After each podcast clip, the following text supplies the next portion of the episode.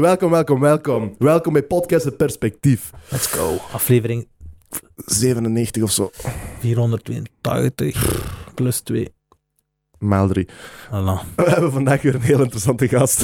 Echt een interessante gast vandaag. ja, echt heel interessant. Um, Naima Sherkawi, welkom. Goedemiddag. Goedemiddag. Hey Naima. Naima is... ehm, maar, is het Naima of Naima? Of Naima.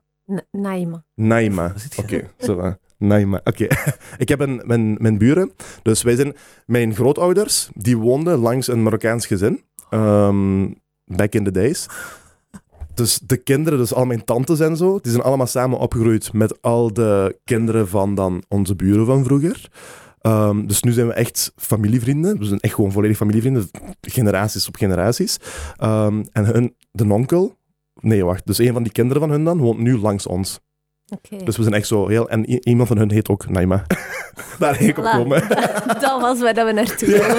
Ik heb het even geduurd, maar we Dus zijn er eh, geraakt. op een manier ben ik ook een beetje familie dan eigenlijk. Voilà, voilà, voilà. Im- Imre wil u comfortabel voelen met uw Marokkaanse zelf eh, hier vandaag. Dat wil, zeggen, dat wil zeggen, mijn buren zijn ook Marokkanen. Snap je? Ik ken, ik ken Marokkanen. dat, is toch de, dat, is toch de, dat is toch de joke? Zo, ah, mijn buurman is ook Turks. Maar ik heb niks tegen Marokkanen, hè, want mijn buurman is Marokkaan.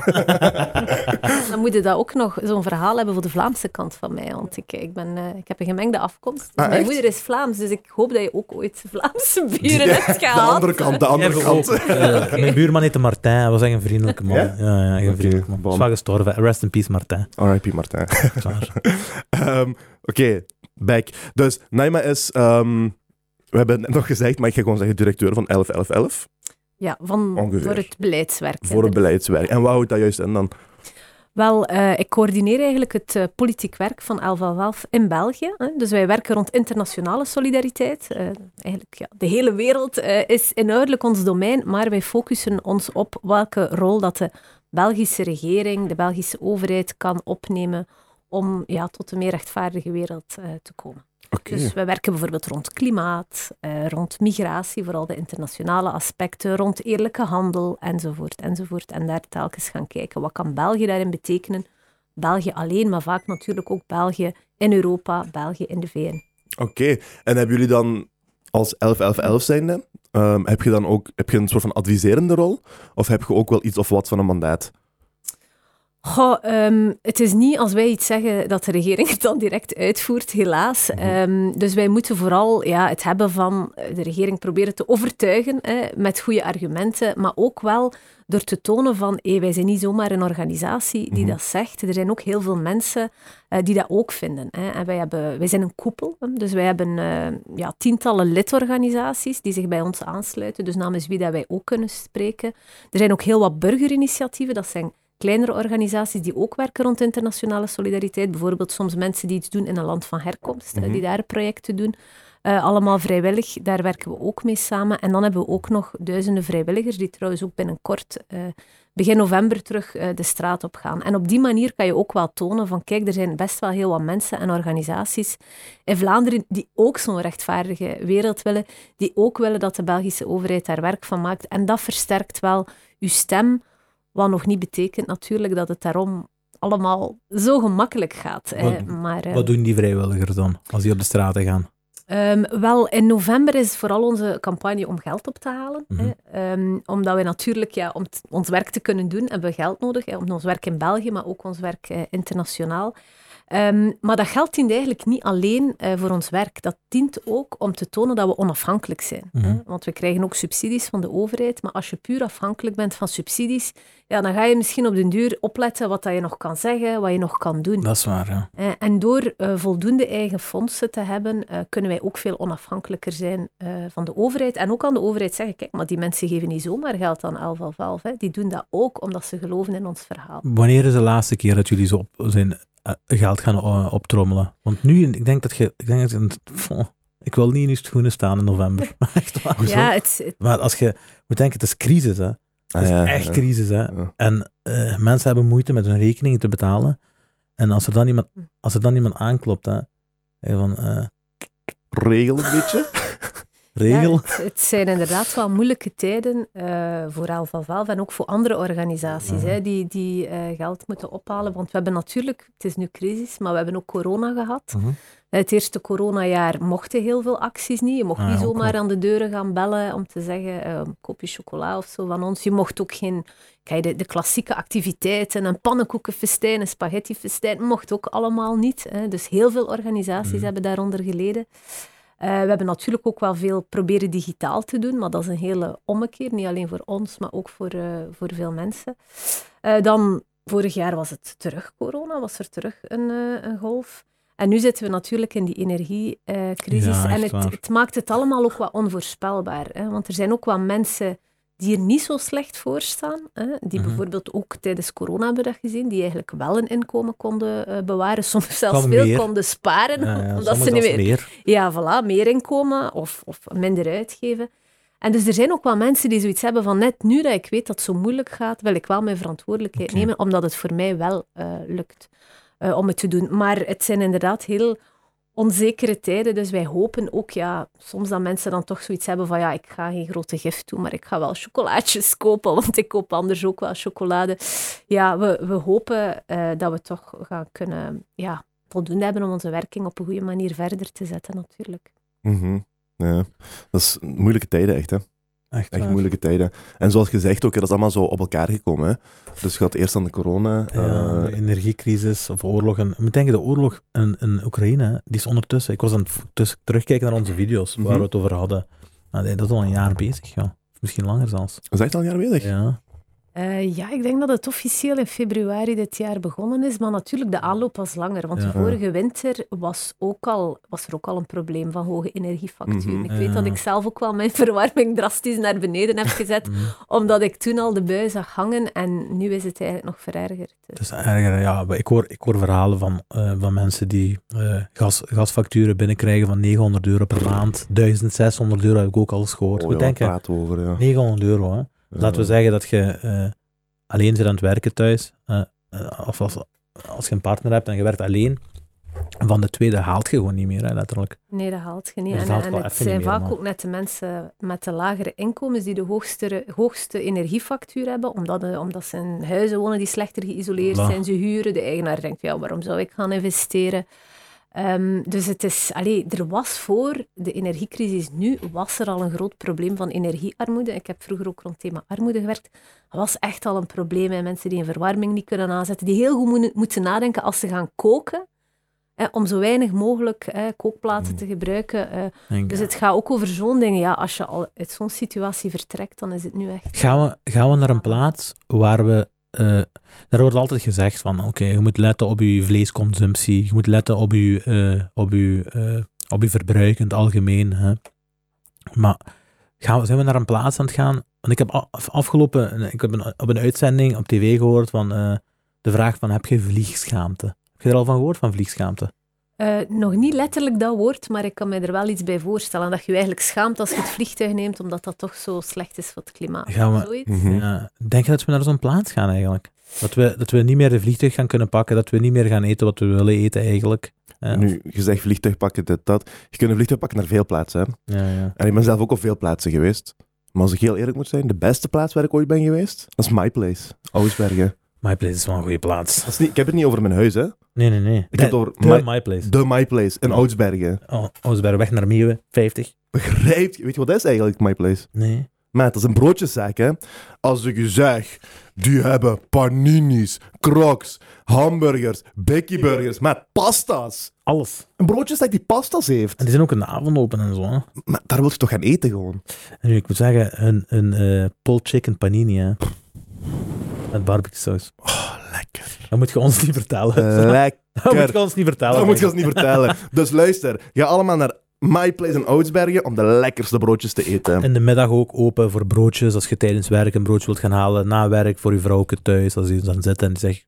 Schat, ik, ik heb een beetje honger. En ik heb geen zin om te koken vandaag. En dan je zegt, ik heb ook geen zin om te koken. Laten we uithalen. Of daar gaan naar eten. My Place. En een gezellige zaak. Gezellig. Ik zweer Echt, een- wel. echt een super eh, gezellige zaak. Ja, dikke Eh, aanrader. inderdaad. Ik, Dus dat was onze ad. En- Je wil dan zeggen, vliegangst, vliegschaamte. Ja, vliegschaamte. Eh, ik heb het gevoel dat we naar een tijd zijn aan gaan waar we eh, niet meer gaan kunnen, of dat, dat we gaan beperkt worden in ons verbruik. En dat is, niet, is misschien niet slecht, hè, maar eerlijk gezegd, als ik elke dag een, Mm. een stukje vlees wil eten of zo, wil ik dat ook wel kunnen doen, eigenlijk. Ja, het wordt vaak ook zo voorgesteld, hè, dat de mensen die een meer rechtvaardige wereld willen, die be- begaan zijn met klimaat, dat die alleen maar regeltjes hebben van dat mag niet meer, dat Ja. mag niet meer, Mm. dat mag niet meer. Eh, ik denk dat dat overdreven is, dat we vaak ook vergeten dat, dat degenen die daar het meest angstig voor zijn, misschien niet per se degenen zijn die het meest het vliegtuig nemen. Hè. Ja. Eh, die misschien zoiets hebben van, ja, ik heb nu hè, zo lang eh, spaar, ik heb nu eindelijk een job en nu wil ik ook wel een keer een, een grote reis maken. Hè. Dus het gaat er niet om van, het mag allemaal niet meer, maar ik denk dat we toch wel eens moeten kritisch durven kijken naar wat dat wij allemaal evident vinden. Mhm. hè. Als je met heel veel mensen praat, dan... dan heel veel mensen gaan zeggen, oh, reizen, reizen, reizen. Eh, een van mijn boeken gaat daarover, het Mhm. Open Grenzen Manifest. Mhm. Mhm. Hè, We moeten toch wel de hele wereld gezien hebben. En we hebben afvinklijstjes in ons hoofd. hè. Oké, ben ik op elk continent geweest? Ja, India heb ik nog niet gedaan. Hè. Dat is waar, Alsof hè, dat je ja. even, dat is eigenlijk ook een heel subcontinent. Als je daar eenmaal een voet hebt gezet, dan kan je zeggen, ik heb India gedaan. Eh, enzovoort. Dat- Vierkante Maar meter. dat klopt echt, Ja. hè? Dat Ja, klopt. dat waar. ik denk ook zo in mijn, in mijn, in mijn hoofd. Ja, Ja. voilà. Heel veel mensen. En ik geef toe, ik had dat vroeger ook. Hè.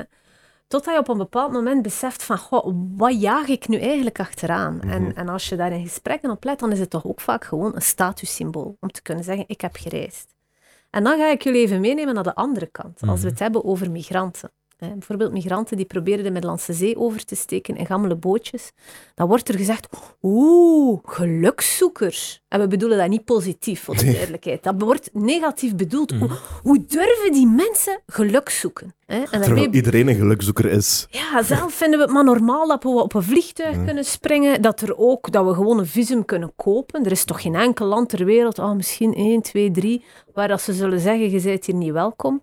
Vanuit België. toe. Als je een migratieachtergrond hebt of er een beetje eh, buitenlands of moslim uitziet, dan, dan ga je al meer hindernissen tegenkomen hè, bij paspoortcontroles en zo. Maar toch in C heb je wel zoiets van, ik kan eigenlijk gaan en staan waar ik wil, voor mijn plezier. Hè. Mhm. Maar bij hen vinden we het dan normaal dat die toch maar blijven zitten in de shit, om het plat te zeggen. Ja, ja. Nu, om Eh. Devil's Advocate daarop te spelen, het verschil is misschien wel dat wij terugkomen. En dat, Dat we is- niet gaan profiteren van, eh, van de plaats. Ja, van de, Indeed. Voor, de, voor de luisteraars en niet de kijkers, eh, iemand heeft heel duidelijk aanhalingstekens gedaan met zijn vingers. Ah, Inderdaad, ja, voilà. Dat is misschien belangrijk. Ja, eh, dus dat, is- dat is het argument wat je daarop gaat krijgen.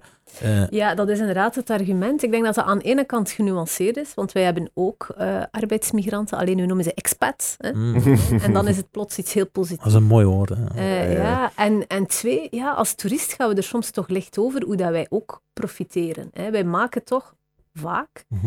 Als we naar bepaalde landen gaan en op bepaalde manieren reizen, de natuur daar kapot. Mhm. hè. Dat is ook waar. Ja. Ehm, wij gaan ook bijvoorbeeld de prijzen op de hu- woningmarkt voor lokale mensen gaan omhoog. Omdat Ja. het is veel interessanter Mhm. om, eh, om eh, een appartement te verhuren via Airbnb, om hotels te zetten eh, enzovoort. Dus wij profiteren ook. Wij vinden het bovendien ook nog normaal dat we de laagste prijs betalen. Hè. Als we een taxi nemen, Dat is dan waar. willen we hetzelfde betalen als de locals. Hè. We gaan niet van ons laten profiteren. Terwijl je denkt, ja, goh, eigenlijk, eh, ik, maar ik verdien wel veel meer dan die locals. Is het dan ergens niet fair dat je daar een middenweg eh, Ja, ja. in zoekt?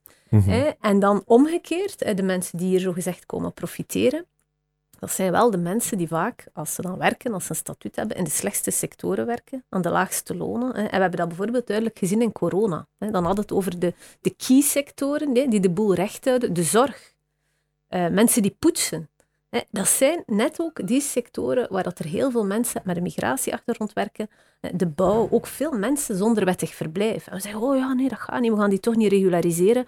Maar in de tussentijd werk maar in slechte arbeidsomstandigheden, Ja. aan, een, aan een bodemloon, eh, zonder enige effectieve rechten. Eh. Dus eigenlijk, wij profiteren van hen.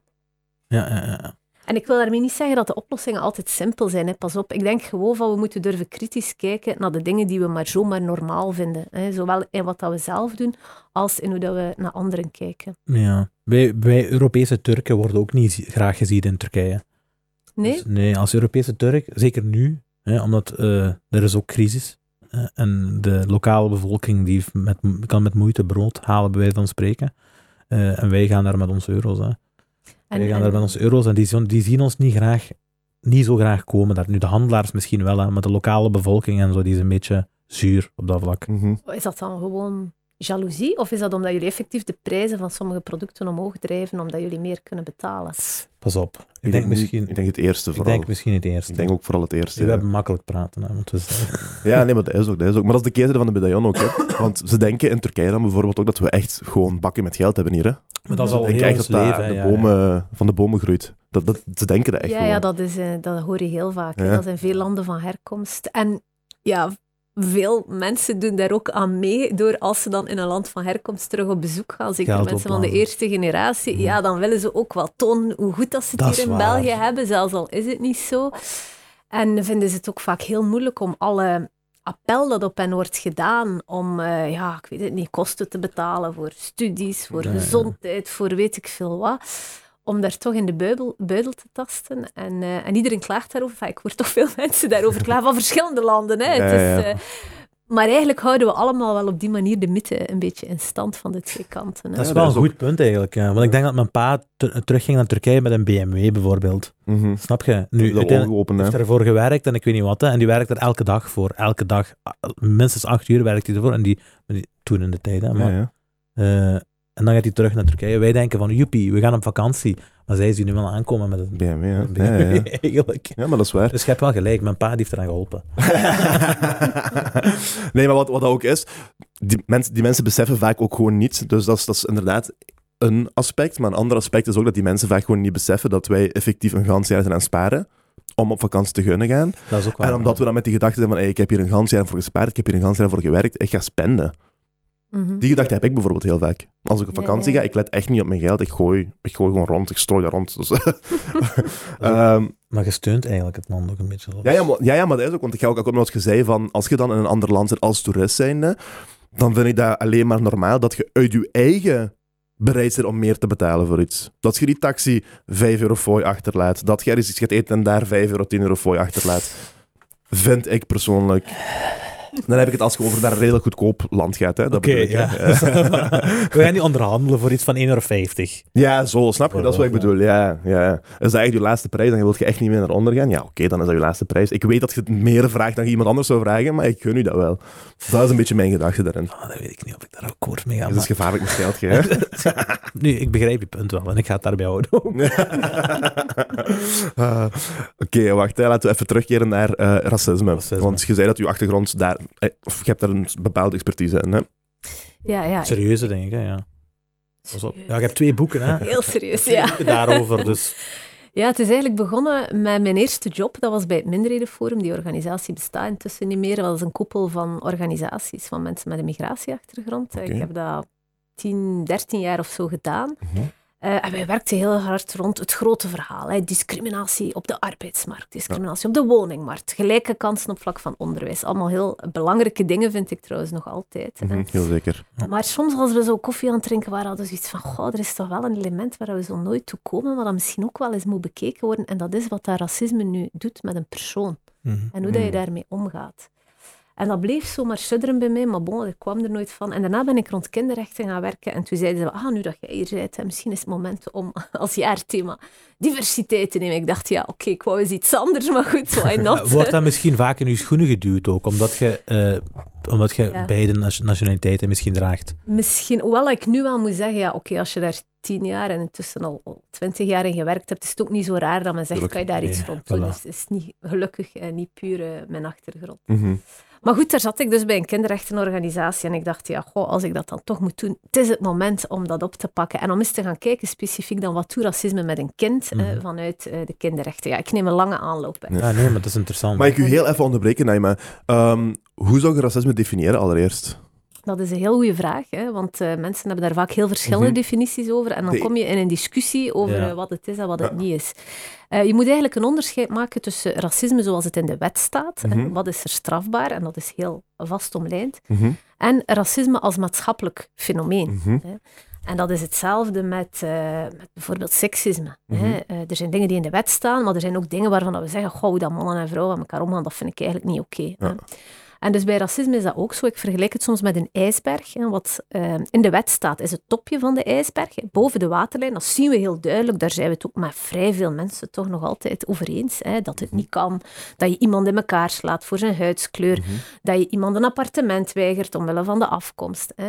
Dat soort dingen. Maar als je dan gaat kijken onder die waterlijn, dan zie je daar eigenlijk het grootste stuk van de ijsberg. En dat is het cultureel-maatschappelijke. Dat is het maatschappelijk. En dan gaat het over subtielere dingen. Uh, allerlei veronderstellingen die men maakt op basis van uw naam of uw uitzicht. Uh, stereotypen, bijvoorbeeld de, de zogenaamd positieve stereotypen. En men zegt wel eens, uh, ja, mensen van Afrikaanse afkomst, die zijn sportief, die mm -hmm. kunnen goed dansen, dat zit in hun genen. Mm -hmm. En veel mensen gaan dan zeggen, ja, dat is toch geen racisme, want je zegt iets positiefs. Hè? Mm -hmm. Maar als je dat nader gaat bekijken, dan behoort dat toch wel tot die brede ja. ijsberg van racisme. Omdat je ook mensen gaat reduceren tot een afkomst. Je gaat daar dingen aan plakken. En als je maar vaak genoeg herhaalt van mensen van Afrikaanse afkomst zijn goed in sport, goed in sport, goed in sport, dan lijkt het op den duur alsof ze alleen maar goed kunnen zijn in sport. Wat natuurlijk helemaal niet klopt. Dat is fucked up, maar ik ga echt akkoord, eerlijk gezegd. Wat blieft? Ja. Dat is fucked up, maar ik ga echt akkoord. er, is een kleine, er is een kleine nuance. Waarom? Omdat vroeger, in de tijd dat de Afrikanen bijvoorbeeld naar de Verenigde Staten werden gebracht, werden die uitgekozen, uh, werden de sterke en, Mm. en, en de atletisch gebouwden uitgekozen. En werden die allemaal, dus al bijvoorbeeld de Amerika, de LeBron James en uh, al die mannen bijvoorbeeld, die komen van supergenetische uh, voorouders. Dus die zijn uitgekozen geweest daar om bijvoorbeeld te gaan helpen. Ja, ja, die hebben de hardste helpen, helpen zal ik niet zeggen, maar... Die hebben de hardste werkers eigenlijk gepakt die, vroeger. de hard, die hebben de hardste werkers gepakt, dus het zou wel eens kunnen dat dat daarom is dat dat beeld is gecreëerd in de eerste plaats. Van, ah kan. ja, kijk, Afrikanen, die is zwart, dus die kan heel goed basketten. Die is zwart, dus die kan heel goed... eh, Ja, ja, het, stereotypen hebben vaak wel een historiek. Hè. En in de Mhm. sport inderdaad is er... eh, Ik, ik ben daar nu zelf geen expert in. Ik heb daar onlangs met een, iemand die wel expert is heel boeiende discussies over gehad. Omdat als het gaat over rassen, dan hebben we zowel achter ons gelaten dat schedels opgemeten worden en zo. Maar die zei, ja, als er nu één sector is waar dat er nog volop gemeten wordt, dan is het wel de sport. Mhm. hè. Dus daar zit soms een discussie, maar... Stel nu nog hè, dat er ergens een grond van waarheid in is. Dat mensen uit bepaalde regio's inderdaad groter zijn en daardoor beter kunnen basketten of, of meer getraind zijn om snel te lopen. Dan nog is er een gevaar als je personen vanuit dat vooroordeel gaat benaderen. En wat je dan bijvoorbeeld krijgt, is een leerkracht die tegen een kindje zegt ah, jij gaat later een goede voetballer worden. dat is hè." waar, dat is een probleem. En dat wordt altijd maar gezegd. En, en als jij dan effectief goed kan voetballen, hè, fijn, maar dan is dat niet je eigen verdienste, want je hebt het gewoon gehad ja, gekregen via je genen. En als je dat niet goed kan voetballen, Oh. of voetballen haat, dan is het zo, oh, ben ik, ben ik nu eigenlijk een slechte Afrikaan? Want ja, Ja, het enige wat je zou zijn. kunnen doen, kun je niet eigenlijk. Voilà. Eigenlijk En- door en zoiets dus- heel onschuldigs als iets wat je Ah. eventueel als een compliment bedoelt, als leerkracht zijnde of weet ik veel. Op die manier gaat je eigenlijk een kind al heel snel een minderwaardigheidscomplex geven dan. Ja, inderdaad. Of gewoon Punt, ja. denken van, dit is dan maar mijn pad. Hè? Dit, ja, ja. dit zal ik dan maar worden, want andere opties zijn er niet. En je gaat dus eigenlijk een heel enge visie krijgen op wat dat je mogelijkheden zijn. En dat is dus één voorbeeldje, zo zijn er nog. Hè. Beeldvorming, hè, dat je er op een bepaalde manier in gemasseerd krijgt. En dat is allemaal die onderkant eh, van die ijsberg. Ja. Maar vanuit de mensen die ermee te maken krijgen, ja, die, die, die voelen dikwijls heel duidelijk aan dat dat één geheel vormt. Oei. Dat het topje wel samenhangt met wat dat eronder zit. En dat eigenlijk de onderkant veel groter is en ook veel venijniger. Hè. Zoals de ijsberg eh, waar dat de Titanic tegen gebotst is. Eh, het is net die onderkant eh, die je niet ziet, waar dat je dan toch ja, op, op vastloopt. Ja, ja, ja. Oké. En En hoe, daar stoppen we dan al mee dan, hoe doe je? met die stereotype. Ja. Sorry Afrikanen, jullie zijn niet goed in sport. Jullie kunnen goed zijn in whatever, zoals Ja. alle anderen. nee, maar ehm, wacht hè. Dus, en hoe, hoe zou jij dan racisme definiëren, effectief? Als je een de- definitie erop moest zetten, wat zou je dan zeggen? Goh, ik, vind dat, ik vind dat heel moeilijk, want eh, met ons laatste boek was samen met Ikram Kasti. Het was een kinderboek waarin dat we dat dus hebben van. proberen. Echt? Ik heb met samengewerkt, Bushra. Een, een van haar zussen. Ja, ja, inderdaad. Ja. De jongere die van mijn leeftijd is ongeveer 25, 26. Ja, maakt niet uit. Ja, dus het was een hele worsteling om dan uit te leggen racisme. Dus ik kan het niet zeggen in twee lijnen, maar ik heb het, we hebben het daar ook proberen uit te leggen. Van, ja, het gaat over een onderscheid maken tussen mensen op basis van afkomst, huidskleur, religie.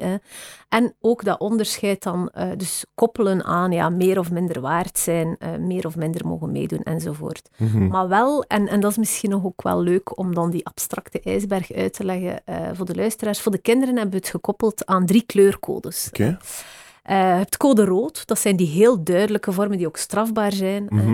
je hebt code geel, dat zijn de minst duidelijke vormen. Dat zijn mensen die eens vragen aan u, van welk land ben je? En, eh, en dan kind denkt, waarom vraagt hij dat nu? Ben ik Mm. dan niet van hier? Hè? Of, oh, jij spreekt goed Nederlands. Hè? De heel Oei, klassieke die dingen, voorbeelden. Die hebben we allemaal meegemaakt. Hè. Iedereen heeft dat meegemaakt. Ehm, en, en ja, kinderen kunnen dat vaak niet goed plaatsen, want die persoon bedoelt dat goed. Dat is zeker geen slechte persoon, maar ik voel mij daar slecht bij. Ligt het dan aan mij? Hè? Dus dat is code geel. Goed bedoeld, soms ook grappig, maar ergens toch niet oké. En dan heb je iets daartussenin, dat is code oranje. Dat is wat dan niet per se in de wet staat, maar waar je bijvoorbeeld op school wel voor gestraft kan worden. hè, Scheldwoorden. Dus dingen dat je zegt, ja, dat is eigenlijk echt niet oké. Het N-woord gebruiken, doelbewust, ja, dat is niet strafbaar. Maar daarvan kunnen we zeggen, ja, dat is niet meer goed bedoeld, dat is Ja. echt niet oké. Hij Gert. Gert Verhulst. Ah ja, juist, juist, ja, ik was al... Je hebt Dat is Rido, dat is Rido, dat is niet Gert. Ja, ja, ik dacht- ik was even niet mee. Ehm voilà, maar het is, het is een manier, want dat vind ik wel belangrijk. Dus als ik racisme definieer, heb ik het over alles samen. Maar dat betekent niet dat racisme in code rood dan hetzelfde is als een goed bedoelde opmerking Mhm. waarvan dat je niet weet. Dus je moet dat onderscheid wel maken, maar ik, ik vind het wel belangrijk dat mensen ervoor openstaan om ook te leren begrijpen dat die Mhm. opmerkingen in code geel niet oké zijn en echt een impact hebben eh, of kunnen hebben eh, op mensen. Ja, en zeker op kinderen dan, denk ik ook. Hè? Zeker, hè, omdat kinderen vaak ook nog niet de kritische reflex hebben om te zeggen, wat zegt hij nu? Die hebben zoiets van, ja, het zal wel zo zijn. Zeker, zeker als een leerkracht is. Ja. Je hebt een goed... Eerlijk, ik, heb, ik heb na die podcast, Ja? ze heb ik eh één of twee personen gehad die zeiden van, ah, wel, die quote die hij daar heeft uitgehaald, dat is een... Ah, dat van macht, zo, die machtsverhouding. Ja, inderdaad. Dus Ja, gewoon- ja. Dus, dus tegen, zij- zijn tegen mij, tenzij je een, eh, een positie Ja, ja, ja, inderdaad. Er, er was zo'n quote van iemand, en Jessin Boeboet, Ja. die kent je misschien ook, die heeft me dan nog eh, daarna Heeft gestuurd. hij die teruggevonden dan? Of, wat? of Ja, hij zei dat is een quote van die en die en die. Ik ben al ondertussen al vergeten van wie. Maar dat was dus een bepaalde quote die ik ooit heb gelezen. Ehm, en het kwam erop neer, of dat is wat ik ervan heb gemaakt, dat is hoe ik het heb begrepen. En dat is dat als je eh racistisch doet, of als je, een, racistisch, een racist bent naar mij toe, of als je een racistische opmerking geeft, of weet ik veel wat, maar je hebt geen macht over mij, dan doet dat mij helemaal niks. Dat interesseert me zelfs niet. Je mag denken wat je wilt. Je mag denken dat ik een rot Turk ben, eh, dat ik stink naar ajuin en weet ik wat. Wat soms ook wel het geval is. en knoflook, maar bon. Ehm, nu, je mag dat denken allemaal, maar eh, er is een probleem wanneer jij macht hebt over mij. Dus als jij een flik bent, als jij mijn leerkracht bent, als jij mijn directeur bent, mijn baas, eh, een rechter, noem maar op, dan is er wel een probleem. Ehm, en daar sta ik gewoon volledig achter. Ja, ja, dat klopt. Terwijl, wat jij zegt is ook waar, hè? ook waar. Zeker als we het hebben over kinderen kinderen. toe, ja, ja. Zeker als we het hebben over kinderen en zo. Hm. Maar ik vind wel, of pff, ik vind, dat is gewoon hoe ik denk. Ik vind niet moeilijk, dat hè? mensen zo moeten denken. Ja. Ik vind niet moeilijk. dat mensen zo moeten denken, maar hoe ik denk is wel zo, zeker op volwassen leeftijd, dat als hij nu iets zegt over Turken, dat dat mij echt niet interesseert. Ja, ja, ja. Maar als Ook dat dat misschien Gert meerdere generaties Ja, zal duren. Maar als Gert. Verhulst, eh, de persoon die basically een monopolie heeft over de Vlaamse media en dus een immense eh, Invloed. invloed heeft op de Vlaamse samenleving, als hij iets racistisch zegt, dan is er wel een probleem. Want dat is iemand die in een positie zit van macht. Dat is ik het een je beetje moet er beter over nadenken. Dus. Ja, ja. Je hebt een bepaalde verantwoordelijkheid gewoon, als je macht hebt. Ja, als je diversiteit quote als omhoog wilt halen of zo, eh, we zijn hier voor u. Kom gerust langs, hè.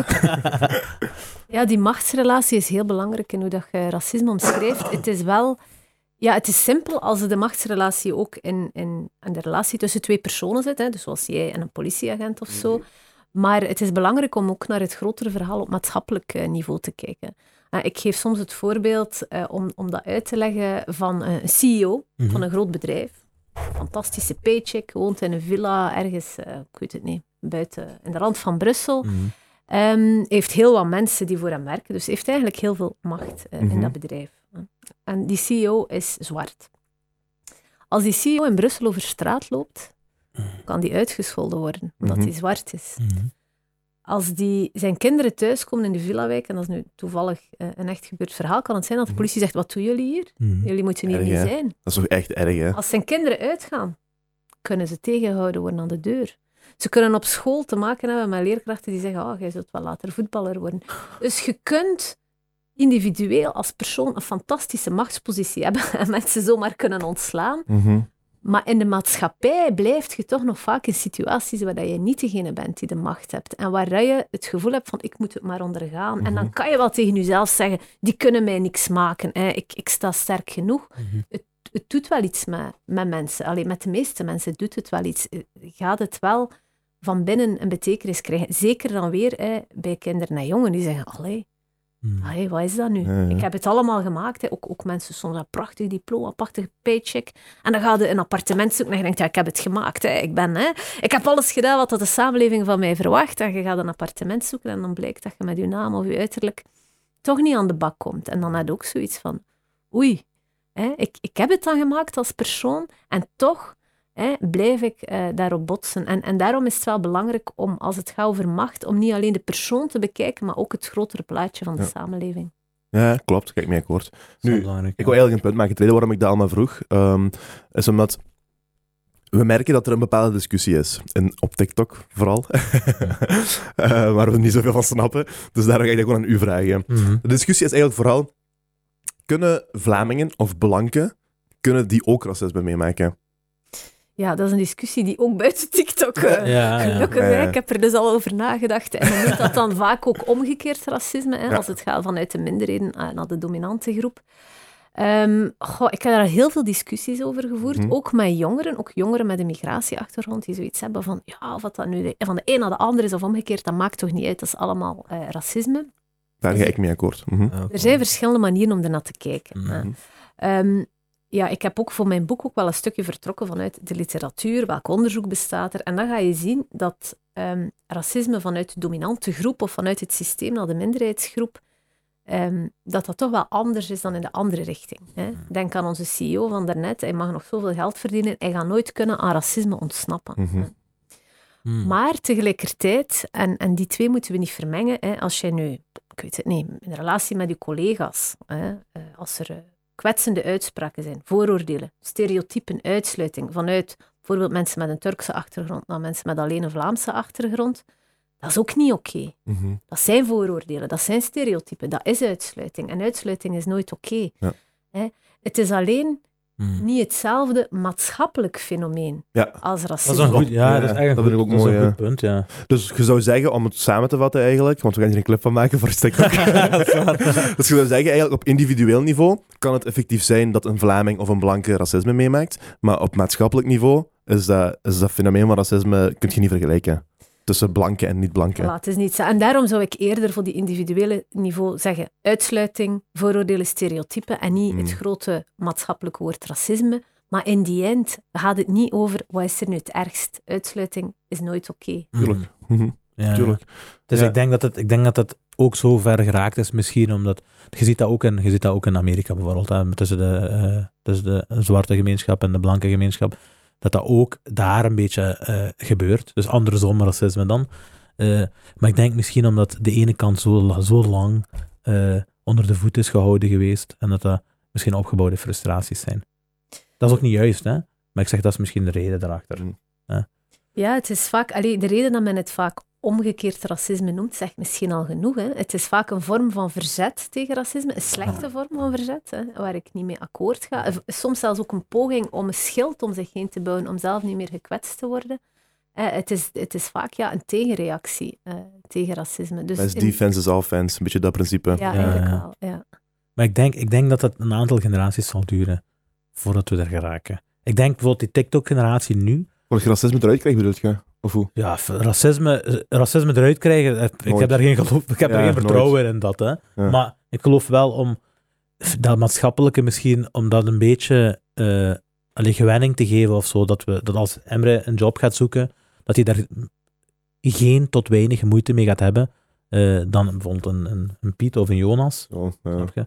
Maar ik denk dat dat nog typische even voorbeeld, gaat zoals je twee ja. dezelfde cv's hebt, met de ene die Thomas heet, de andere die Emre heet. Wie gaat die krijgen? Ja, Thomas gaat die waarschijnlijk krijgen. Ja, Eh tot dat het eruit is, bedoelt je? ja, ja, ja. Ja, ik, ik wil toch eh, uw, uw optimisme een beetje temperen, want ik, ik ben al wat ouder hè, dan jullie. En ik hoor hè, eerlijk gezegd al twintig jaar, met, Echt waar? met de nieuwe generatie komt het wel goed. Ja. En zeker in, in steden en in diverse contexten, zoals Genk.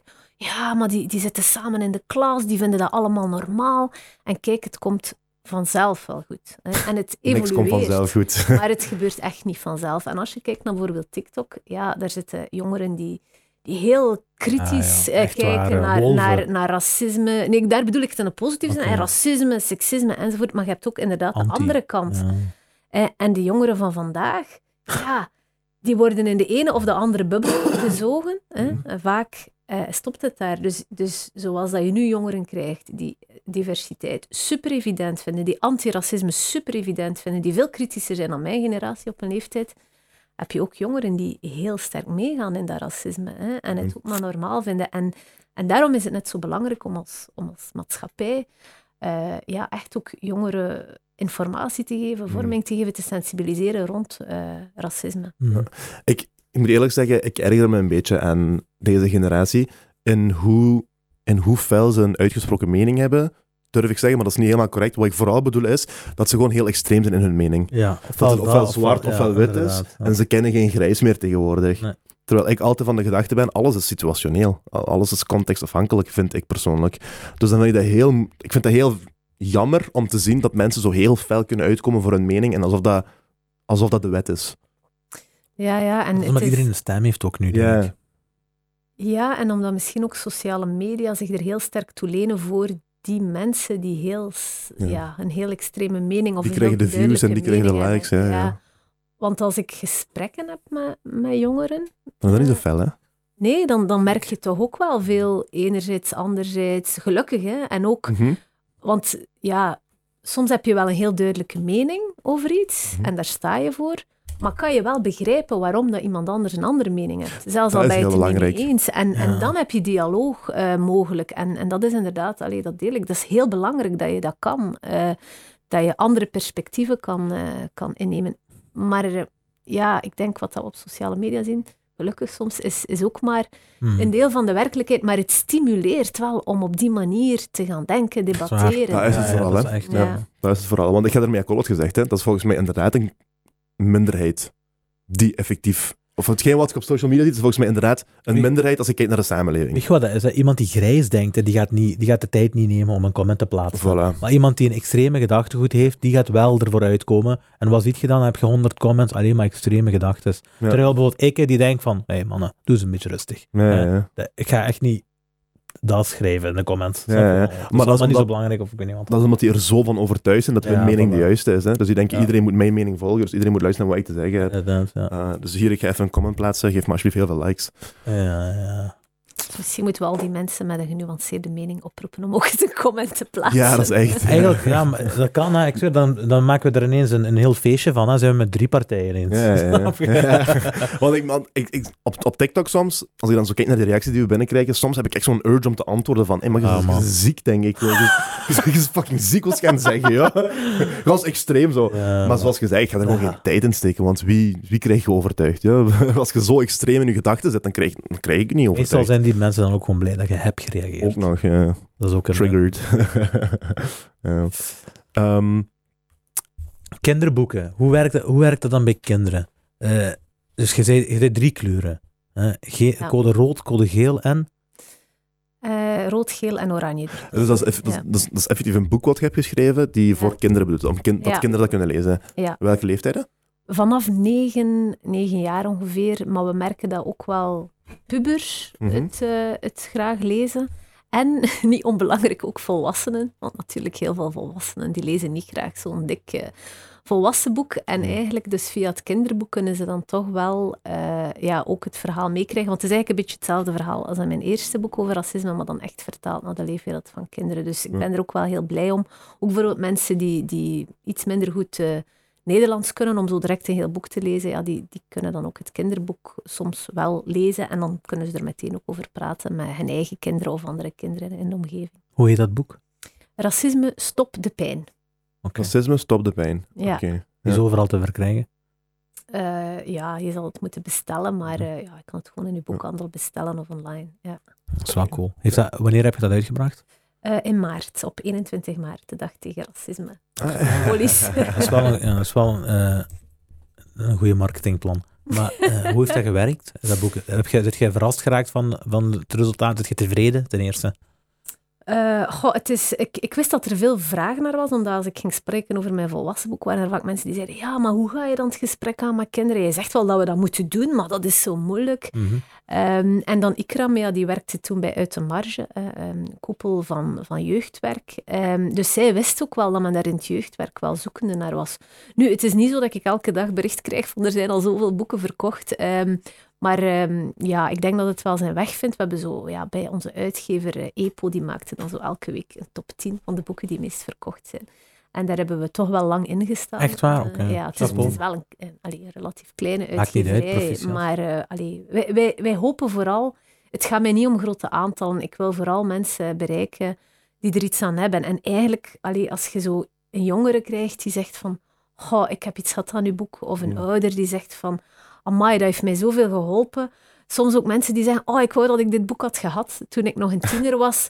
Ja, dat, dat doet zoveel meer dan dat een, een statistiekje... eh, Daar haalt je echt voldoening uit, hè? Ja, Ik- absoluut. Ja. Ik denk hè, dat, dat, dat eh, wat je wilt doen met het allemaal, hè, het is jammer, want ik denk dat dat wordt samengeveegd met klimaat, met eh, dat extreem linkse gedachtegoed. En als ze van, ja, weet je, stop eens met ons iets proberen op te zetten. Stop eens met ons eh, iets proberen, eh, ons gedachtegoed proberen te ver- veranderen. En ik denk omdat er zoveel dingen zijn die zo, allee, ik zeg maar, dus klimaat, eh, veganisme en bijvoorbeeld LGBTQ plus community. Dus dat allemaal en dan racisme. Ik denk dat dat voor, voor vele Vlamingen of voor vele mensen is zo van, hey, stop daar eens mee. Ja, dat- met racisme, maar daarmee. Hoe zou dat komen? Ik weet het niet. Ja, want iedereen wil altijd vooruitgang. Ik denk, dan waarom wil je ook geen vooruitgang in, in hoe dat we onze samenleving vormgeven? Je wordt natuurlijk inderdaad rap in een hoekje gezet. En inderdaad, ik werk rond klimaat en migratie Mhm. en racisme. Dus het is heel gemakkelijk om mij in een hoekje te zetten. Maar de reden waarom dat ik dat doe, is omdat ik op, oprecht bezorgd ben voor de, de toekomst van onze samenleving en onze wereld. En, en men zegt soms, oh, oh, klimaat, wat een gezaag. Maar ik heb wel zoiets van, man, het is hier voor mij geen optie om aan de zijlijn te blijven staan. Ik wil dat mijn kinderen ook nog op een planeet kunnen leven Mhm. die leefbaar is. En hun kinderen ook. En ook daarna. Dus ja, en als ik dan eh, minder vaak vlees moet eten... Ja, I, I, I don't care. Dan is dat de kleinste van, Maar- van, de, van de moeites. Daar is een, er is een verschil tussen jij die die keuze maakt en dat er gouvernementeel, eh, dat, er, dat, de, dat de overheid daar een inmenging doet. Bijvoorbeeld, ik denk vorig jaar bij het Food Festival in Gent eh, hebben ze, heeft de overheid dan gezegd van 50% van de foodtrucks moeten vegan zijn. mhm. En dat is, al, dat is een eng punt, hè. Ik vind, ik vind dat. Dus je kunt zeggen van, oké, we doen dat voor het klimaat en ik weet niet wat. Maar om te zeggen van, nu... eh, de, dus als er 100 foodtrucks komen, 50, 50% moet vegan zijn en anders mocht je niet meer binnen. Maar je hebt nog altijd 50% waar dat je vlees kan eten dan. Dus de Eh, keuze... maar, de maar daar begint het ook heel er. vaak bij, hè. Ja, ja allee, ik, ik ga nooit zeggen, mensen, je moogt geen vlees meer eten. Maar ik ga wel proberen... Ik, ik eet trouwens ook vlees hè, en, en vis. Eh, dus ik ga wel proberen mensen te overtuigen van, het hoeft niet altijd vlees Maar dat is een zijn, beter hè. punt, Het inderdaad. kan, het Ja. kan soms ook... eh, en eigenlijk veel traditionele keukens Ja, gebruiken ja, meer linzen Mhm. en, en super lekker. Maar gaandeweg hebben we het idee gehad van als je het je kunt permitteren, moet je vlees eten. En, en eh, ja, ik denk dat je gewoon ook een heel rijke keuken terug kan hebben met meer groenten. Maar inderdaad, ja, het, weet je, het, we, we verengen het debat ook vaak tot Mhm. Eh, ja, zelf het vliegtuig nemen, zelf vlees eten, schaamte, eh, schuldgevoelens. Maar eh, wat wij bij Alvaval vooral heel belangrijk vinden, is dat je gaat kijken van, ja, hoe, hoe zit het grotere plaatje in elkaar? Hè? ja. Wat doet de overheid? Hoe zit het met bedrijven? En het heeft geen zin om jezelf schuldig te voelen omdat je ene keer een vliegtuig hebt genomen als je weet dat bedrijven die superveel meer uitstoten en daar wordt niet aan geraakt. Hè? Privéjets of zo. Of privéjets, heel goed voorbeeld. Ja, dat, dat is belangrijk dat wij als burger ons niet uit elkaar laten spelen. Ja. Want als jij zegt, goh, die klimaatmensen, ik wil het niet meer horen, want zij zeggen dat ik minder vlees moet eten. Eigenlijk zou je moeten zeggen, hè, die klimaatmensen, ik ga mee betogen hè, dat de overheid die bedrijven eens aanpakt. Dat, hè, want ik denk dat iedereen wel eh, een toekomst eh, wil voor de volgende generatie. Hè. En, en ik weet niet of jullie dat weten, maar eh, het is eigenlijk ook een heel bewuste, slimme zet geweest van die bedrijven om heel het debat te sturen naar de individuele ecologische voetafdruk. 100%. Ja, ze zeggen van, weet je wat?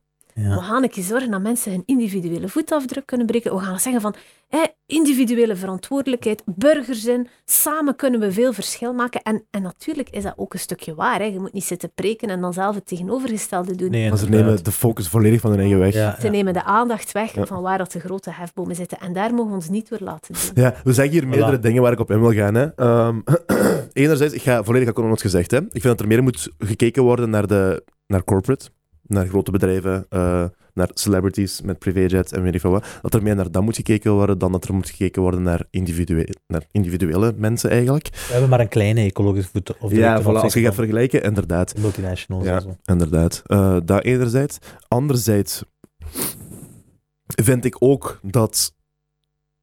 Dus dat gaat een beetje zeggen. Ik ga- Ik ga hier twee dingen zeggen. Ten eerste, mensen eh, gaan slecht om met verandering. Dat is iets wat jarenlang geweten is. Ja. Mensen gaan slecht om met verandering. Ehm, verandering wordt heel vaak eh, door het grote publiek als negatief gezien in het begin. Mhm. Tot de verandering effectief is gebeurd. Eh, mensen zijn gesensibiliseerd en dan is het, ah ja, all good. Snap je? Dus dat wat gezegd wordt van die 50% moet vegan zijn. Nu is dat van, what the fuck? Ja. Hoezo? Ga je de regels opleggen zijn. van hoeveel vegans, terwijl we binnen 10 jaar misschien zeggen van, ja, 50%, 50% vegans toch? hè? Ja, ja duh. of waar, course, duh. Snap je? Ehm, dus dus dat, dat is ook zoiets. Ik ga het dan ook niet oké vinden, hè, maar... Waarschijnlijk wel, dat is wat ik bedoel. Ja, dat kan, dat kan. Ehm, nee, maar voilà, dat is denk ik het punt, het punt wat ik wil maken. Ik denk dat je een goed punt hebt gemaakt. Dank u. We zijn in het algemeen, eh, kunnen we niet tegen verandering, hè, dat is waar. Ja, inderdaad. Maar dat wil dus niet zeggen... even. Ah, en dan wil ik nog één punt maken. En dat is dus dat je inderdaad, dat dat geen groot probleem mag zijn als je eens een één dag per week minder vlees eet. Mhm. Als je eens één dag per week met de fiets gaat van met de auto. Met de bus in plaats van Maar nu, ik moet veel. wel zeggen, Hasselt raak je nog niets meer binnen met de auto. Ja, het is alles dicht en gooien, hè. Dus je hebt, ik zeg u, er is ook een felle kant aan verbonden. Ja. Er is ook een heel felle kant. De uh, Hasselt binnenstad mocht je nog maar 20 km per uur rijden. Dus dat Ja. betekent dat ook al zit je met de auto, dat fietsers je gewoon voorbij insteken. Allee, dat je, dat je gewoon inhalen. Maar goed dat je dat zegt, want dat, is- dat gaat hand in hand met mijn punt Mhm. van verandering. Iedereen gaat naar de Hasselt. Ik niet. Het is nog altijd super druk daar. Ik, ik was er gisteren, het was echt boomvol. Ja, echt. Letterlijk boomvol. Ik ben ook maar aan het lachen. Ik ben, ik, ik ben mijn extreme zelf aan het, eh, aan het Ja, spelen hier. hè. Dus ik speel mijn extreme zelf, gewoon om een punt te maken. Ja, maar ik wil ook maar gewoon zeggen van die, die verandering, dat is normaal. Je gaat er iets van tegen, tegenwerking aan voelen. Mhm. Maar dat gaat niet super lang duren meestal. Ja, en het belangrijkste is altijd wel dat het op een rechtvaardige manier gebeurt. En dat is vaak wel, wel zoeken, dat je niet het gevoel hebt, hè, bijvoorbeeld met, met lage emissiezones die worden opgericht. Ja, fijn voor mensen die een moderne wagen hebben, Mhm. maar als je een oude wagen hebt, gewoon omdat je Ja. je niks anders kan permitteren, heb je wel een beetje het gevoel van, ik ben hier de pineut. Hè, Ja. en, en dat is wel, allee, dat vinden wij ook heel belangrijk in heel die transitie naar een meer duurzame, klimaatvriendelijke samenleving en zo. Ja, dat mensen wel, hè, het is nu heel actueel, wel nog warm kunnen hebben in hun huis. Hè. Dat mensen zich wel nog kunnen verplaatsen. Want als je zegt geen auto meer, ja, dan moeten er wel alternatieven zijn. Hè. En, ehm, en ja, ook daar is het heel belangrijk om, om het hele plaatje te zien en te zien welke keuzes worden er nu gemaakt. Hè. Eh, Oké, fijn als eh, zonnepanelen gesubsidieerd worden, Mhm. maar zonnepanelen zijn voor mensen die een groot dak hebben, die van een eigen huis is, eh, Een goed dak. enzovoort. Een goed dak, een gro- Eh, ja, wat ga je doen met al die mensen die in huurwoningen wonen, in, in woningen die te klein zijn om zonnepanelen te leggen? Ja, investeer dan ook eens in een buurtgerichte aanpak. Dat je zegt, we gaan hier een keer heel die buurt van duurzame energie voorzien, in plaats van alleen individuele mensen te sponsoren, die dan vaak ook degene zijn die al het meeste geld hebben. Ja, waar, die gesponsord moeten worden eigenlijk. Ja. eh. Voilà. En, en daar allee, is het superbelangrijk, eh, vinden wij, allee, dat is misschien een beetje ons falen als, als organisaties die, die rond klimaat werken, dat we dan nog veel te weinig duidelijk maken dat dat is waar dat we voor staan. Dat het niet alleen een verhaal wordt van rijke mensen eh, die zonnepanelen kunnen leggen of een, een mooie grote bakvist voor hun deur zetten, maar dat het ook eh, voor de ander, en misschien zelfs nog meer voor de anderen, is dat iedereen ook eh, moet mee kunnen. Ja, dat is wel dik, hè. Ja. Ehm, wat, wat is er zo wat in de, in de literatuur of in de wetenschappelijke literatuur? Hoe, hoe ziet de toekomst eruit, zou je zeggen? Op vlak van armoede en, en, en gelijkheid, gelijke kansen.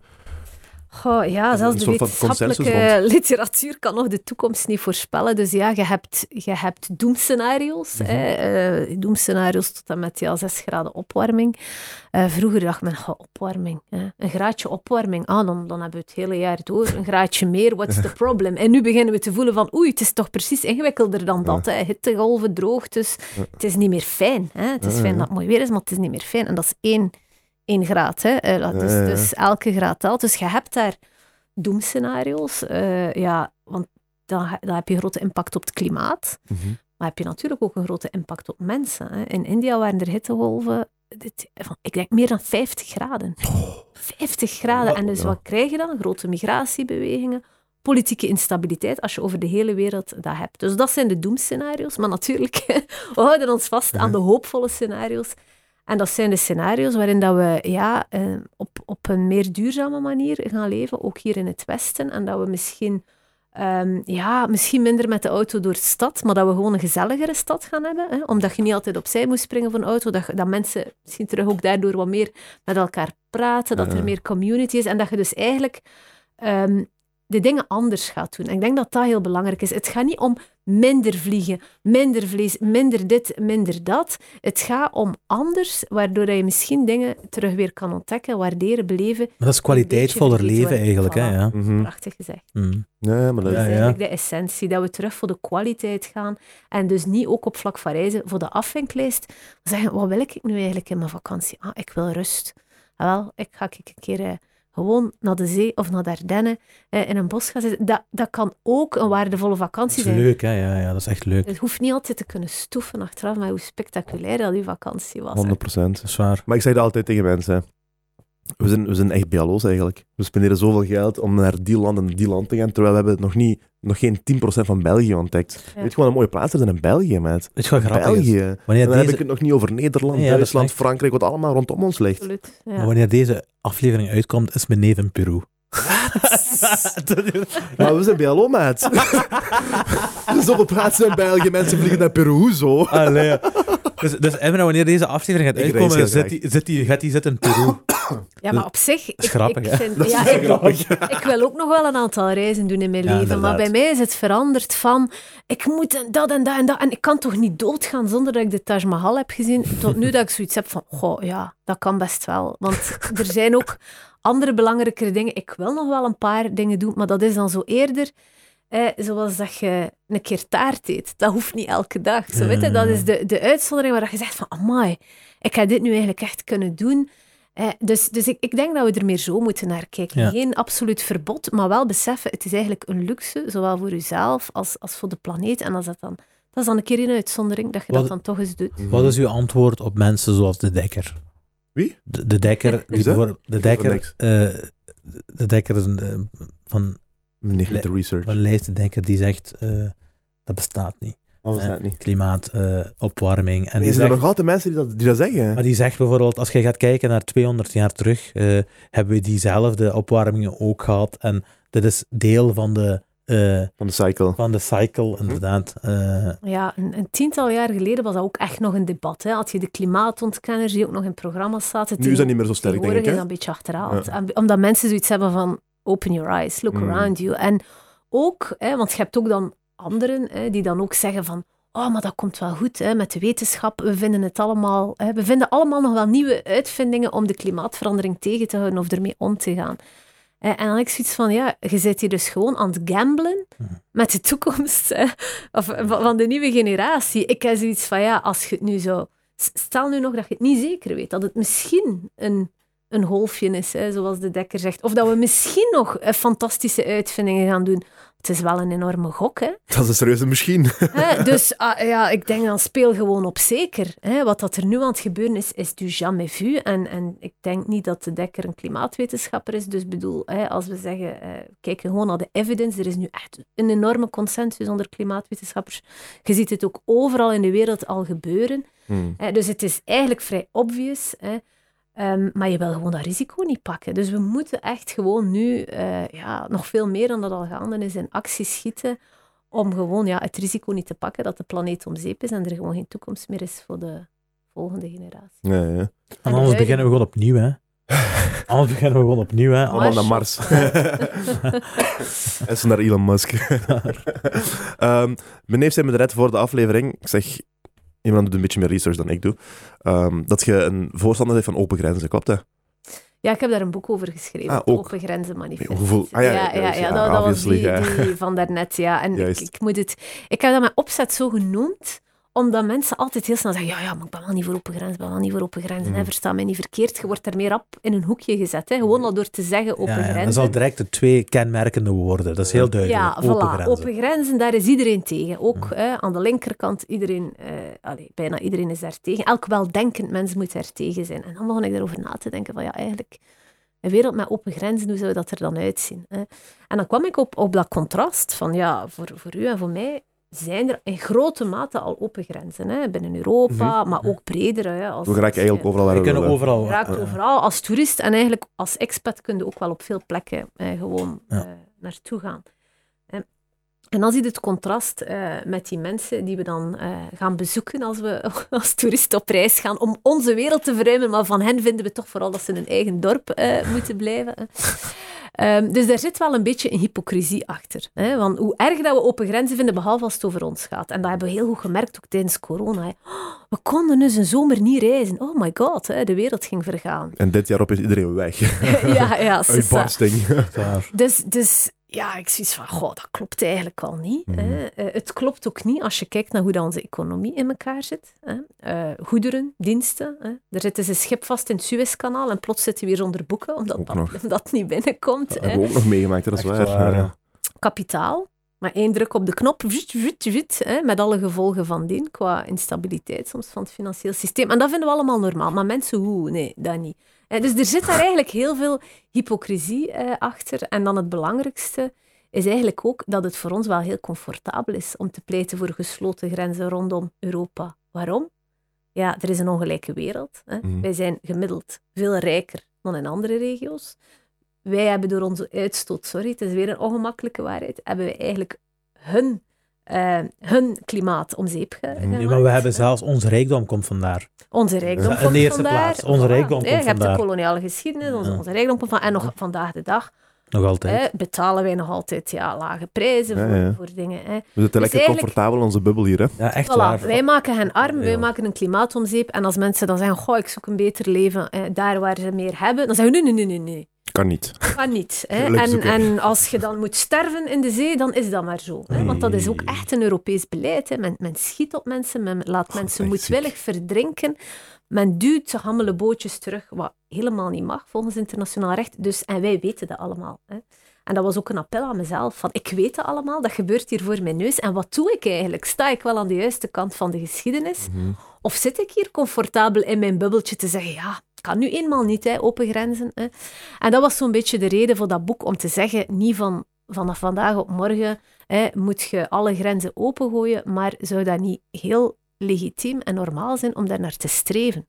Zoals dat we in Europa in fases eigenlijk grenzen hebben geopend op een gegeven mhm, Tussen de landen, ja. zouden we niet, zou het niet gewoon een veel betere wereld zijn als grenzen open konden zijn? Hè? En als mensen niet zouden hoeven te migreren? Want eigenlijk is het ook een manifest van in een meer rechtvaardige wereld zouden mensen ook niet hoeven te migreren. Zouden er minder conflicten zijn, minder droogtes daar, daar komen nog... Dus de, dat is een heel debat, hè, wat, we nu, wat we nu zijn bespreken, want daar komen nog zoveel dingen bij kijken. En dan heb je bijvoorbeeld...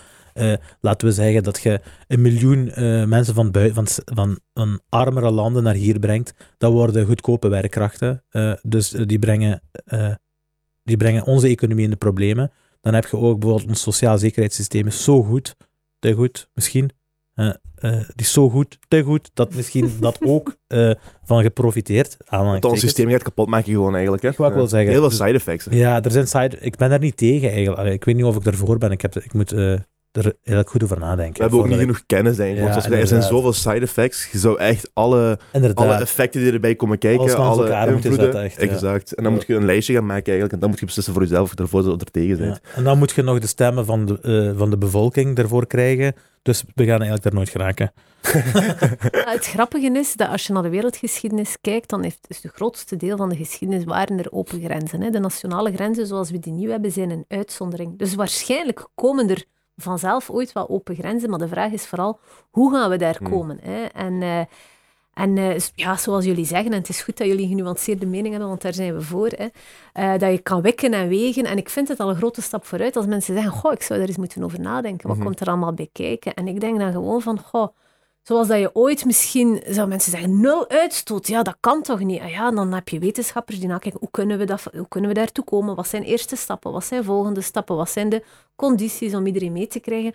Zo zou je eigenlijk moeten hebben over open grenzen. Van kijk, in die eind willen we daar landen. Wat is een eerste stap? Wat zijn eh, belangrijke voorwaarden? Dat het inderdaad niet ten koste gaat, bijvoorbeeld van mensen hier die al onderaan de arbeidsmarkt eh, zitten. Eh, dus het is vooral, mijn oproep is eigenlijk vooral van, maar waarom zouden we daar niet eens kunnen gewoon al over nadenken en eerste Ja, stapjes zetten? Ik denk dat ik er nog nooit echt zo'n serieuze conversatie over... Zo Sami Medi en Dries van Langhoven, die gaan er wel vaker over in de clinch. O- Over... eh, Ja, die zijn alle twee sowieso tegen open grenzen. Ja, hè? eh, dat, dat wel, maar ze, ze- voor de rest hebben ze nog eh, heel veel verschillen in Mhm. mening, gelukkig. Ja. maar dus jij, gaat, jij zet er nog een schepje boven en je zegt gewoon alles opengooien. ja, maar ik zeg het niet van vandaag op morgen. Ik vind het vooral gewoon treffend waarom dat wij al op voorhand zeggen, dat willen we niet. Ja. Terwijl als je er dan naar kijkt, dan zijn er eigenlijk heel veel redenen om te zeggen, dat willen we wel, maar het is niet makkelijk om daar te komen. Maar als we het hebben over klimaatopwarming, gaan we wel lang genoeg kijken dat eh, een graadje warmer werd. Maar hier, wat jij zegt, vroeger waren er open grenzen, dat zien we niet graag. Nee, nee, we zitten, we zitten een beetje vast in een idee fix. En, en dan vind ik dat wel fijn om, om gewoon eens de vraag te stellen, maar is dat wel zo evident als het lijkt? Hè? Ik denk dat het veel leuker lijkt, mocht het niet zo zijn. dus mocht, er, mocht dat open grenzen concept, dat kan ik wel zeggen, dat lijkt me wel leuk. Ja, toch? Maar misschien kun je er eens een boek over schrijven, Naima. Zo, Over? o- over open grenzen. Een open grenzenbeleid over heel de wereld. Hoe zou de wereld eruit zien? Ah, wel, maar dat heb ik gedaan. Hè. Ja, ja. Dus lees Dat is het. waar, Dus, want het, is, het is bovendien een klein Deze Ja, maar het is ook wel niet... Allee, het, is, het is meer een, een manifest. Hè. Dus ik geef ook toe, al die vragen van hoe moet dat dan precies met sociale zekerheid? En dat, ik beantwoord dat niet in detail. Ik wil gewoon zeggen van Ja. mensen... De conversatie Het- starten. ja, Mhm. voilà. We kunnen er, en en er zijn echt ook wel experten die er al dieper over nagedacht hebben, en die, die citeer ik dan, om gewoon te zeggen, het is niet zo onmogelijk als het lijkt. En, en laat ons dat dan ook durven onder ogen zien, en ook durven zien waarom dat we dat gesprek niet willen aangaan. Misschien moeten we, dat zo, misschien moeten we eens een expert roepen over dit onderwerp en gewoon een heel podcast daarover doen. Over open grenzen. Ja. Ja, let's fucking go. En dan gaan we u ook ooit uitnodigen. Opnieuw. Kan ik eens terugkomen. Moeten we wel nog een uur rijden. heb, je, heb je een uur moeten rijden, want uw accent is wel serieus anders dan die van ons. Ja, ja, ik heb een uur moeten rijden, maar mijn accent is denk ik West-Vlaams. Dus, eh, maar daar woon ik niet een meer. anderhalf uur. Gelukkig, want dan, dan moest ik twee uur of drie uur rijden. Nee, nee, ik kom nu uit het Brusselse, daar woon ik nu. Ja. Ja, ça va nog. Hè. Ja, maar we appreciëren dat wel wel altijd. Als er iemand van ver komt, we appreciëren dat wel echt. Inderdaad. Dus dank u. Dank u. Eh, nee, maar ik heb nog één vraag voor u eigenlijk. En dan kunnen we denk ik afronden. hè. Mhm. Ehm, waarom ik... Altijd hetzelfde. Waarom ik over de open grenzen begon, is... Ja, Wat vind jij van het, het verschil, of zelfs het dat contrast, is nog vermeld worden. in hoe Syrische vluchtelingen, ehm, islamitische vluchtelingen eigenlijk, Midden-Oosterse Afghanen. vluchtelingen, ja, hoe dat zij worden, hoe, hoe de respons daarop is, en, en het verschil tussen hoe de respons is op Oekraïnse vluchtelingen.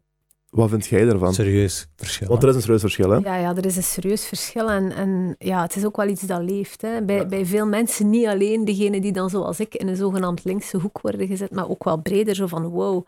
Mhm. Eh, ja, dat verschil is aantoonbaar. Hè. Eh, dus, eh, Heel duidelijk, ja. voor- allee, ook in regelgeving bij Oekraïne heeft men direct gezegd, we gaan een of andere Europese richtlijn activeren, dus mensen moeten zelfs geen asielaanvraag meer doen, ze krijgen direct bescherming Ja, enzovoort. eh. Heel veel politieke wil eh, om mensen op te vangen. En dan heb je zoiets van, oeh, eh, en we dachten dat het allemaal niet kon, dat onze samenleving dit niet aankon, dat we geen middelen hadden, dit en dat. En ja, Syriërs komen toch ook uit een eh, regio in conflict. Eh, Afghanen ook.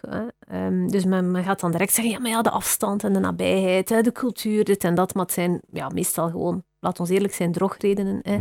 En men vindt dan dat mensen uit Afghanistan maar moeten opgevangen worden in Turkije, alsof dat, dat een nabije regio is en, en dezelfde, helemaal hetzelfde. Dus ja, dan kom je wel snel tot de conclusie dat het effectief met, eh, met de culturele, religieuze achtergrond te maken heeft. Trouwens ook tussen Oekraïners, hè. mensen uit Oekraïne, die een buitenlandse herkomst hadden, die werden ook helemaal anders behandeld. Ja, dat, is, dan- dat was ook in de dus media gekomen. ja. dus de dat heel- daar werden niet op de treinen gelaten naar Polen en van die toeren. Ja, ja. Dus, dus ja, dat is chockerend. Wat dat wij daarmee... Wij hebben daar trouwens ook al zelf al een advertentie eh, over gemaakt. eh, van ja, er moet een gelijke behandeling zijn. En dat is dan... Ja, proberen er iets positiefs van te maken en zeggen van ja, maar als je dat kan doen voor Oekraïners, eh, dan moet je het ook kunnen voor anderen. Mhm. Eh, dus het als een voorbeeld te gebruiken. En tegelijkertijd moeten we ook wel... Allee, die, die mensen uit Oekraïne die krijgen nu ook in de feiten niet bepaald een rode loper. Hè. Er zijn er ook nog veel die geen opvang hebben enzovoort. Dus ik denk dat we ook wel moeten met de mensen die hier nu zijn, Mhm. of ongeacht van waar dat ze komen, zien dat we geen concurrentie gaan creëren. Iedereen ja. heeft recht op, op, op opvang, ook Het gaat over oorlog, hè, uiteindelijk. Ja. Dit is de ergste situatie die je Dus, kunt meemaken. Dat wat Dus- je nu zegt, prediken wij altijd op de podcast. Dus Ja. je kunt sowieso geen pijnen vergelijken met elkaar. We zijn niet de personen die gaan zeggen, ah, kijk, voor Oekraïne wel en voor Syriërs niet. Inderdaad. Dat, wij zijn niet die persoon. Want dan maar maak je we het willen, ook niet over. ja, maar we willen, wel- we willen natuurlijk wel duidelijk maken dat er wel effectief een verschil is. Tuurlijk, en heel terecht. Ja. En, en ik hoor dat ook, eh, mensen, hè, want wij werken ook rond de regio Syrië, Syriërs die zeggen, ah, maar wij zijn blij dat Europa dat doet. Maar we zouden graag hebben ja. dat ze het ook voor ons doen. Voilà. Dus je ziet ook dat mensen die in die situatie zitten, het eigenlijk een ander ook heel sterk gunnen, maar wel zoiets hebben van, hmm, dat te maken, denk en ik, wij dan? Ja, what about met us? de kleur die zij dragen misschien dan ook. Echt, rechtstreeks. Oh, Weet je ja, wat dat is? hè? dus- Oekraïners die passen meer misschien in het, eh, in het concept van België. Hè? Kan, hè? ik weet het niet. Het, Van het is Hitler. moeilijk te zeggen. Is het, is het de kleur? het, het, eh, het is moeilijk te zeggen wat nu uiteindelijk de doorslag heeft. Hè. De kleur, de religieuze achtergrond, Ja. het idee van het is toch een deel van Europa en die Mm. anderen niet. Wie zal het zeggen? Maar ik denk dat het wel duidelijk is dat het toch geen objectief onderscheid eh, Nee. is en dat daar echt wel een onrechtvaardigheid Hmm. eh, zit. En ook interessant is dat je ook een verschil ziet in het gedrag van Oekraïners. Want bijvoorbeeld bij Syriërs die naar hier komen, die asiel krijgen, dan, zegt men, dan mag je niet meer terug hè, als je erkend wordt als vluchteling. Hè. Eh, dat mag niet. Dus als je denkt van, goh, misschien is het daar nu veilig, ik ga terug, dan verlies je Ah je ja, recht echt om waar. hier binnen te komen. En dan wordt er ook gezegd van, zie je wel dat geen echte vluchtelingen waren, eh, want eh, die gaan terug. Ja.